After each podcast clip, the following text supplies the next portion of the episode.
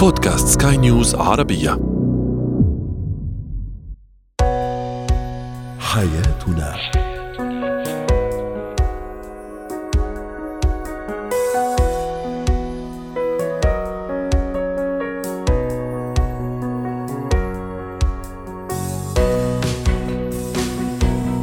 مستمعينا الكرام أهلا بكم معنا إلى حياتنا. فضاؤكم اليومي الذي يعنى بشؤون الأسرة وباقي الشؤون الحياتية الأخرى والذي يمكنكم الاستماع اليه عبر منصة سكاي نيوز عربيه dot com slash podcast وباقي منصات سكاي نيوز العربيه الأخرى. شاركونا عبر رقم الواتساب 00971 561 8862 ثلاثة. معي أنا أمال شاب. اليوم نتحدث عن الزواج الناجح هل ياتي عن طريق القلب أم العقل أم كلاهما؟ معا هل نحتكم للعقل أم القلب؟ عند اختيار شريك الحياة وهذا هو سؤالنا. التفاعلي لي أيضا كيف أقنع طفلي بما أريد؟ سنتعرف على نصائح ذهبية تربوية. وأخيرا سنتحدث عن طريقة لأنتقل فيها من سيطرة العادات علي إلى السيطرة على هذه العادات. هو وهي. للزواج عفوا شروط وقواعد حياتية. ومن يتزوج دون مراعاة هذه الشروط آه، والاختيار شريك المستقبل أكيد سيكون الزواج مصيره الفشل اليوم نتحدث عن القلب طريق القلب أم طريق العقل. أيهما أنجح؟ أيهما أكثر صوابا لاختيار شريك المستقبل؟ رحبوا معي بدكتور شافع عنيادي الخبير في العلاقات الأسرية ضيفنا العزيز سعد أوقاتك يا دكتور شافع أهلا وسهلا فيك وبسؤالنا التفاعلي اليوم هل تحتكم لعقلك أم لقلبك عند اختيار شريك الحياة؟ دعني أستعرض بعض تعليقات السادة المستمعين. محمد يقول العقل دائما آه للأسف القلب والعقل أحيانا يخونوا مثل ما الأشخاص في العلاقات يخونوا الثقة أيضا صلاح يقول العقل ومن ثم القلب لأنه للأسف القلب يخطئ أحيانا. دكتور شافع أيهما آه أصح خلي أقول ولو أنه ما فيش قاعدة صحيحة في المطلق عند اختيار شريك الحياة. هل طريق العقل دائما هو الصحيح أم طريق القلب ما هو الصحيح؟ أم كلاهما مزيج من هذا وذاك؟ أحسنت اخت أمان طبعا نحن آه، طبعا قرار اتخاذ شريك الحياة قرار ليس بالأمر الهين قرار مهم بشكل كبير. صح. فالعقل والقلب هم دائما نحن نقول وجهان لعملة واحدة. نحتاج للعقل لعقل سليم وعاطفة لينة. نحتاج العقل ماذا يفعل؟ العقل آه. هذه المشاعر وهذه العواطف والأحاسيس بحيث إن متى متى متى أخلي عقلي هو الحاكم والفيصل في أي آه خلينا نقول مثلا آه مواقف أو أي صفات لأخلي عقلي دائما هو الذي يقرر ويسيطر وأضع القلب جانبا. ثم نجي لا مثل المواقف اللي ممكن ألين فيها أو الصفات اللي ممكن ألين فيها لما أجي أختار هذا الشريك. ولا بأس أنه أخلي عقلي يعني يتدخل لأنه آه لا زواج بدون قبول ولا اختيار بدون عقل. صحيح. في دائما نحن نحتاج العقل في مسألة اختيار شريك الحياة هذا. أقيس له من سلوكياته من أخلاقه من طبائعه من قيمه من مبادئه. هل هي تتناسب مع مع مبادئي أنا؟ البعض اخت امال ممكن يطغي عليه الحب والعاطفة ويتقاضى عن أساسيات في الحياة الزوجية. صح. يسبب بعد ذلك خلافات صح. في الحياة الزوجية. على أمل انه الأمور ممكن ستتغير خاصة زي ما تفضلت حضرتك أشياء يعني كثير يعني ضرورية وأساسيات الحياة ممكن فيها خلل في مشكل لكن العقل عفوا القلب لما يتدخل شوي آه، ممكن قد نعمل مشكلة على المدى الطويل وخاصة أحيانا وقت وقت قبل الزواج م. العاطفة في عند الشريكين سواء الذكر أو الأنثى العاطفة تطغي فماذا يميل الشريك الثاني على هذه العاطفة؟ فحينما لا يحكم العقل يرى أن الحياة نفس ما هو يراها في هذه العاطفة. آه، بعد مدة أو بعد بعد الزواج آه، هذه العاطفة اللي كانت في البداية خلاص راحت أن هي مبنية على شيء عاطفي شيء مشاعر وأحاسيس. انتهت هذه المشاعر والأحاسيس ورجع هذه الشخصية على طبائعه الصحيحة وسلوكياته التي هي تخالف سلوكيات شريك الحياة ويبدا المشاكل والخلافات. دائما أنا أقول عندي حلقتين حلقة كبيرة وهي العقل وحلقة صغيرة وهي العاطفة. أترك هذه العاطفة تعيش تختار كيفما تشاء من شريك الحياة لكن إن أتت هذه العاطفة تتعدى على سور العقل أقول لها قفي أنا هذا الإنسان آه، أنا آه، حب وعاطفة عند هذا الشخص شريك الحياة. لكن أنا عند اختياري وجدت واكتشفت في أشياء في سلوكيات في طباعة تخالف طبائعي أنا. فأنا هنا هنا يرجع إلى العقل وهنا يرجع كمان إلى أن المهارات لابد أن أتعلمها وأكتسبها على أساس أعرف شريك الحياة من نظرة عقلانية صحيحة. لا تتعرى من العاطفة لا نقول تتعرى من العاطفة ولكن العاطفة تكون موجودة. وفي نفس الوقت أنا أقيس سلوك هذا الإنسان أو هذه الشخصية على المبادئ اللي أنا أريد فيها. صح. ونفس الوقت أحكم عقلي على سلوكياته وطبائعه مع الآخرين مع أقاربه مع اخواني مع مع جيران مع ما غير ذلك. هنا يبدأ إلى العقل. هنا يرجع إلى ماذا؟ إلى أن الإنسان لأنه هذا شريك حياة لابد يكتسب مجموعة من من المهارات. نحتاج للعاطفة لكن يجب أن لا تخرج عن خارج حدود العقل. ويكفي أن ربنا سبحانه وتعالى ميزنا عن باقي مخلوقاته بالعقل دكتور شافع. آه القلب الآن ها حين يقال القلب وما يريد كمان. القلب متى أفسح له هذا المجال وأفتح له هذا النافذة؟ أنه كمان عنده الحق أنه تكون له كلمته، إحنا اتفقنا انه الأشياء الجوهرية الكبيرة اللي ما فيها فيها تنازل اللي راح تبنى عليها الأساس آه زي ما نبني بيت دكتور شافع صح ولا لا؟ أنا لما أبني بيت لازم أختار أحسن خلينا نقول المواد مواد البناء وأختار أحسن مهندس وأختار أحسن بناء حتى هذا البيت يستمر صح ولا لا ويصمد صحيح. أمام السنوات وأمام الظروف سواء الجوية وما إلى ذلك وأعاصير ورياح و و و نفس الشيء بالنسبة للزواج. الأشياء إحنا اتفقنا دكتور شافع أنه الأشياء الضرورية والأساسيات والمبادئ الكبرى واللي تربينا عليها وقيمنا هذه ما في مجال أنه آه، القلب يتدخل خاصة إذا كانت تخالف مبادئنا وقيمنا. ماذا عن القلب؟ متى؟ نعطي له كمان الفرصة لأنه في النهاية آه، العقل عنده أو عفوا القلب له كلمته. القلب اللي كلمته وأكيد له اختياراته ولا كذا. لكن أحيانا أنا أدرك وأقول بأنه هذا القلب لابد أن عقل يوجه هذه المشاعر والأحاسيس والعواطف. أنا لا أريد أن يعدمها.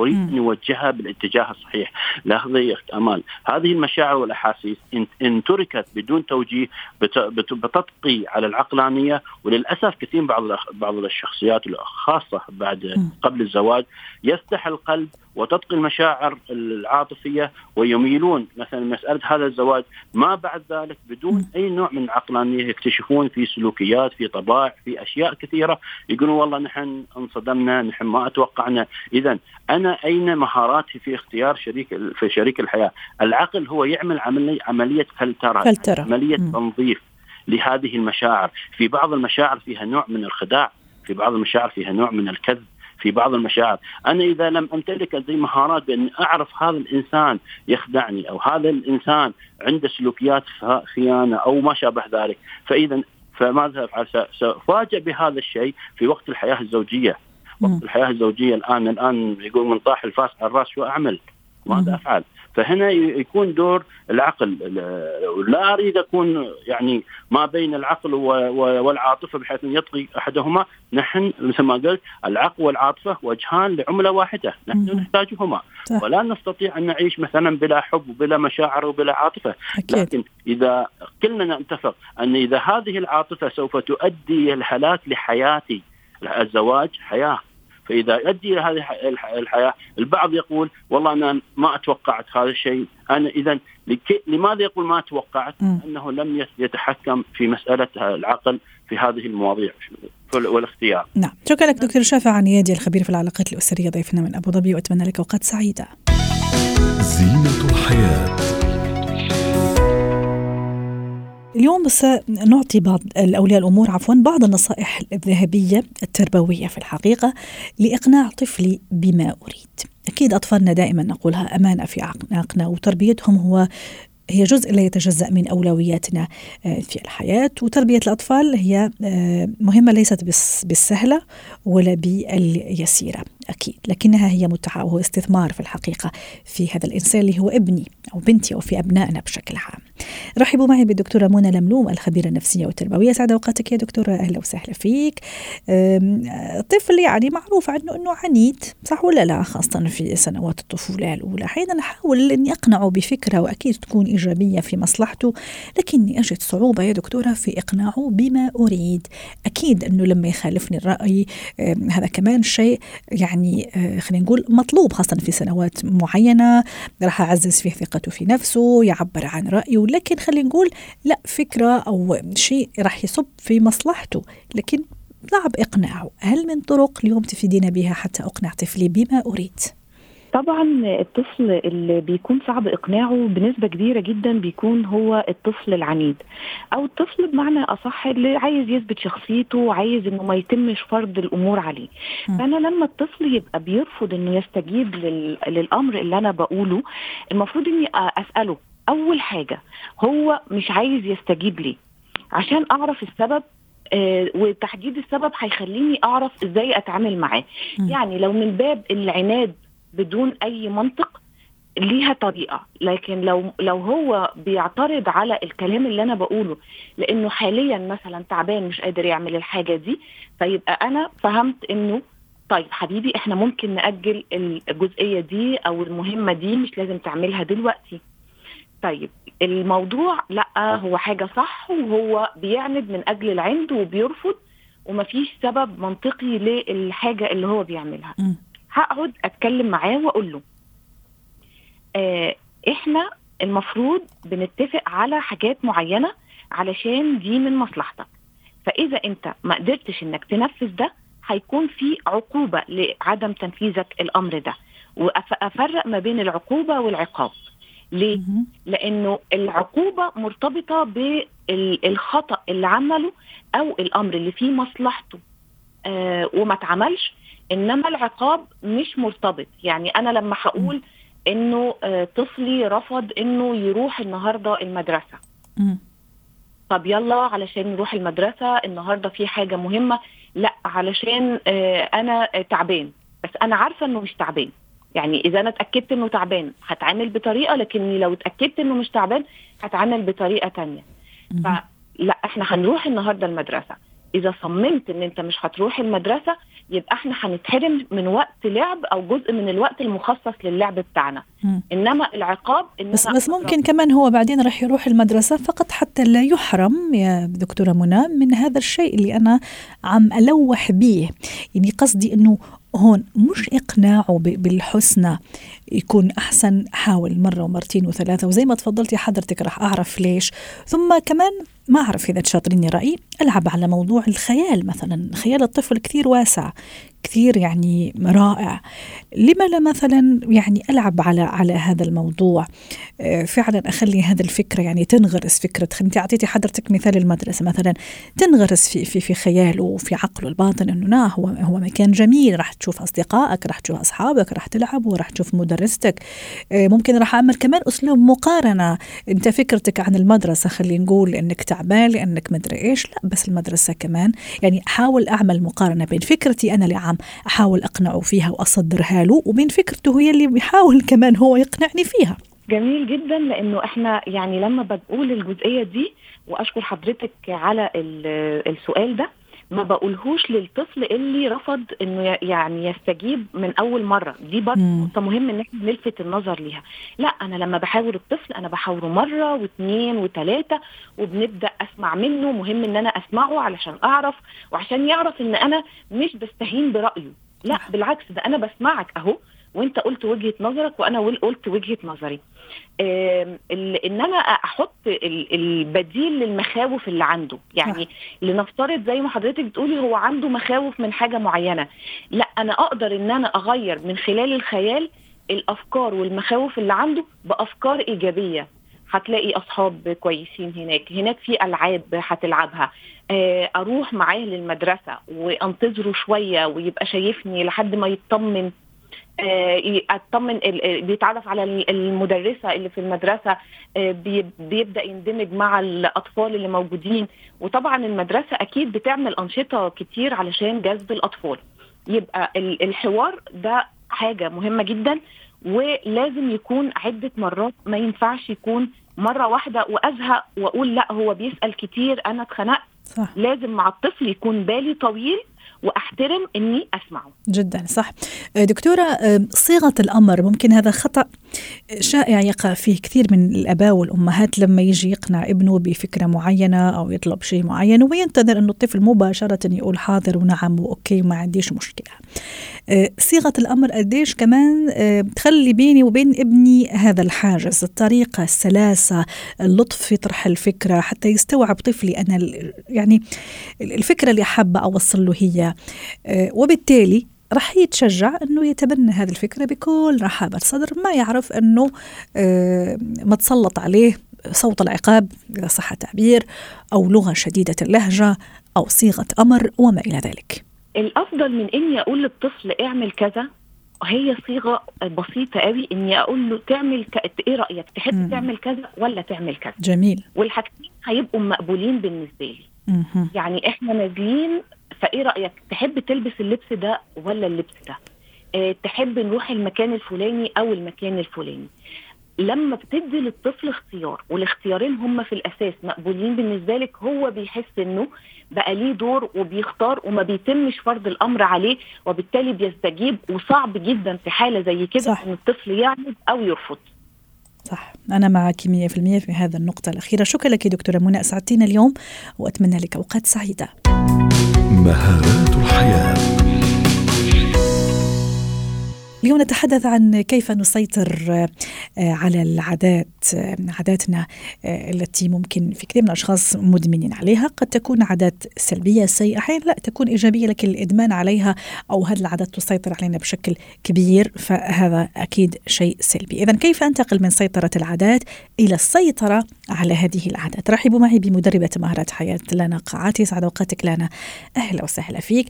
في كثير عادات تسوق مثلا الأكل بشراهة التدخين وهالعادات تسيطر على البعض بشكل يعني آه، مبالغ فيه لدرجة الإدمان بين قوسين إدمان على الأكل على التسوق على التدخين وما إلى ذلك. كيف أنتقل من مرحلة سيطرة العادات علي إلى السيطرة على هذه العادات؟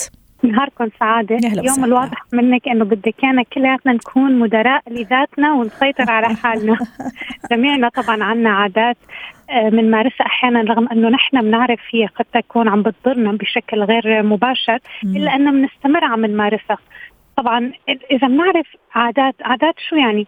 يعني شيء نحن منه جيناتكس شيء نحن ما تربينا عليه ما ولدنا فيه مجرد إنه آه، سلوك ضلينا نمارسه. ومع الوقت تعودنا عليه فصار عقلنا صح. بيعمله بشكل تلقائي. ما في تفكير. صح. فنحن لما بنقوم لهذا العمل نحن حرفيا ما عم نفكر. مثل الإنسان لما بيقوم مثلا بيغسل أو بيأكل هو ما عم بيفكر بالتفاصيل عم بيقوم بالعمل بشكل فوري. فنحن إذا بدنا نتخلص من آه، أي عادة محتاجين إنه يكون عندنا وعي وعي ذاتي. أنا ليه عم بعمل هاي العادة؟ هاي العادة لما نحن بنعملها أكيد عم بتسبب لي نوع من أنواع السعادة. شو السعادة اللي عم تحقق لي إياها هي العادة؟ كيف فيني أعوضها؟ الإنسان اللي بدخن ممكن بدخن لأنه بتخليه آه، يخفف شوي من ال stress أو ممكن مثلا بيحب يدخن لأنه هي فرصة بوقت ال break بيجتمع مع زملاء العمل وبيحكي. فأنا لازم أفهم سبب آه، تواجدي بهي العادة. شو عم بتحقق لي سعادة؟ إمتى أنا بمارس هي العادة؟ ليش عم مارسها؟ فلازم يكون في وعي ذاتي راقب نفسي. أنا لازم تكون المحقق الذاتي لنفسي راقب أشوف إمتى عم تعمل هالعادات لحتى أحسن بعدها آخذ قرار أحط هدف وخطوات كيف فيني بدل وغير من هي العادة. فهو أكيد حيكون شيء صعب بده اجتهاد كثير منه سهل. جميل جدا إنه نحن يكون عندنا قناعة ونحط توقعات منطقية لنفسنا. صح. ونحط خطة بديلة في حال الفشل. لكن قبل هذا أستاذة لانا حضرتك مهدي لي لأطرح السؤال الآتي هل لما أقتنع أنه هذا العادة لازم أغيرها؟ خلص تيجي كذا بين عشية وضحاها الانسحاب هذا أو أني أبطل هذا العادة يكون بشكل يعني صارم ومن أول مرة ولا تدريجي ولا لا حسب الأشخاص حسب كمان تدريبهم على ذاتهم. كمان ان هذا المهاره لأنه في النهاية مهاره يعني مش الواحد يمتلكها صح ولا لا؟ بصراحة الموضوع م. حتى لو الإنسان عنده إرادة عالية كثير لما بتكون عادة ولك زمان عم تمارسيها أكيد حتحتاج وقت شكلك عندك عادة معينة ومش قادرة تتخلصي منها أستاذة لنا صح ولا لا؟ أعترفي مثلا أنا بحب أشرب القهوة كثير آه. خلينا نكون واقعيين الواقعية جدا مهمة لحتى نحط حتى ما نصدم نفسنا وتجينا يعني صح. شعور الفشل كثير صعب التخلص منه فخليني أعمل خطة تدريجية. حتى لو أنا شخص عندي قوة وعندي إرادة خليني لأنه بالأخير في عندي مخ لا وعي مسيطر وعندي قدرات آه، جسدية يعني اللي بيكون متعود على الأكل آه، يعني بشكل معين الأكل العاطفي خلينا اللي هو غير مسيطر عليه أو الدخان أكيد بيتأثروا كمان جسديا آه، ممكن يسبب لهم توتر عصبية. فمهم جدا إنه يعرفوا كيف بدهم ينسحبوا من هالعادة بطريقة كمان ما يصير عليهم رد فعل عكسي وضرر. صح.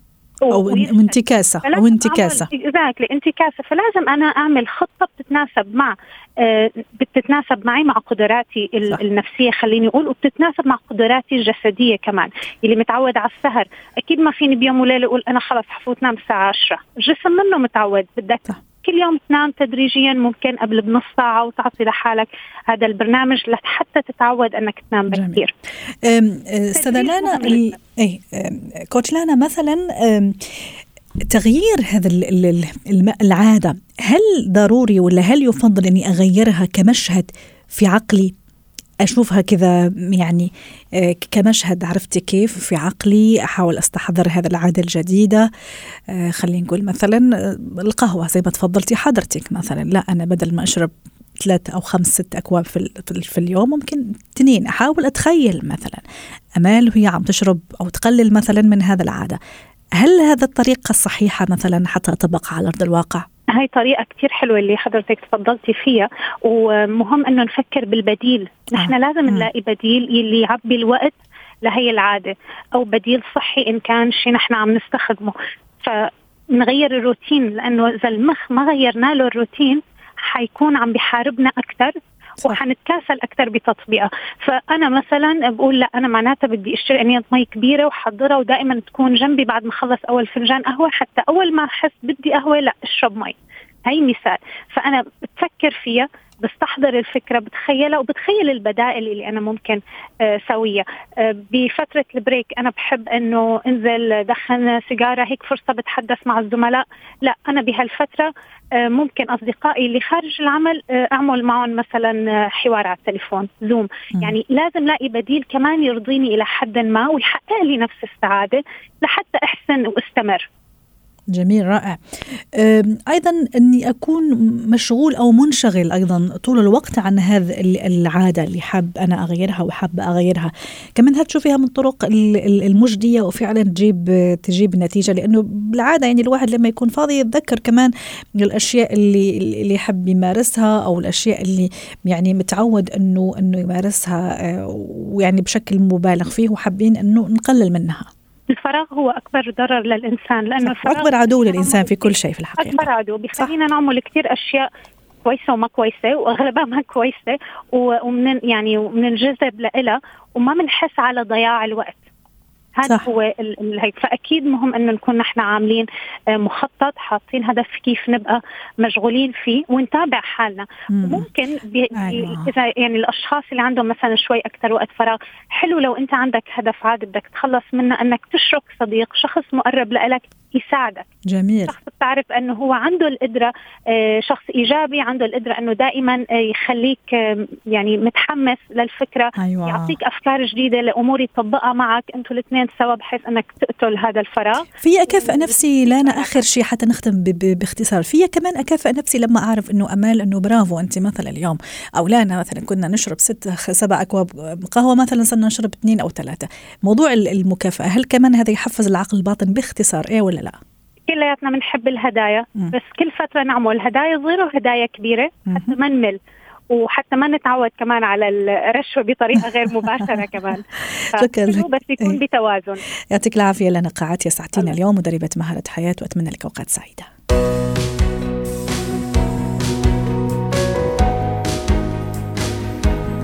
ختام حلقة اليوم من حياتنا. شكرا لكم والى اللقاء.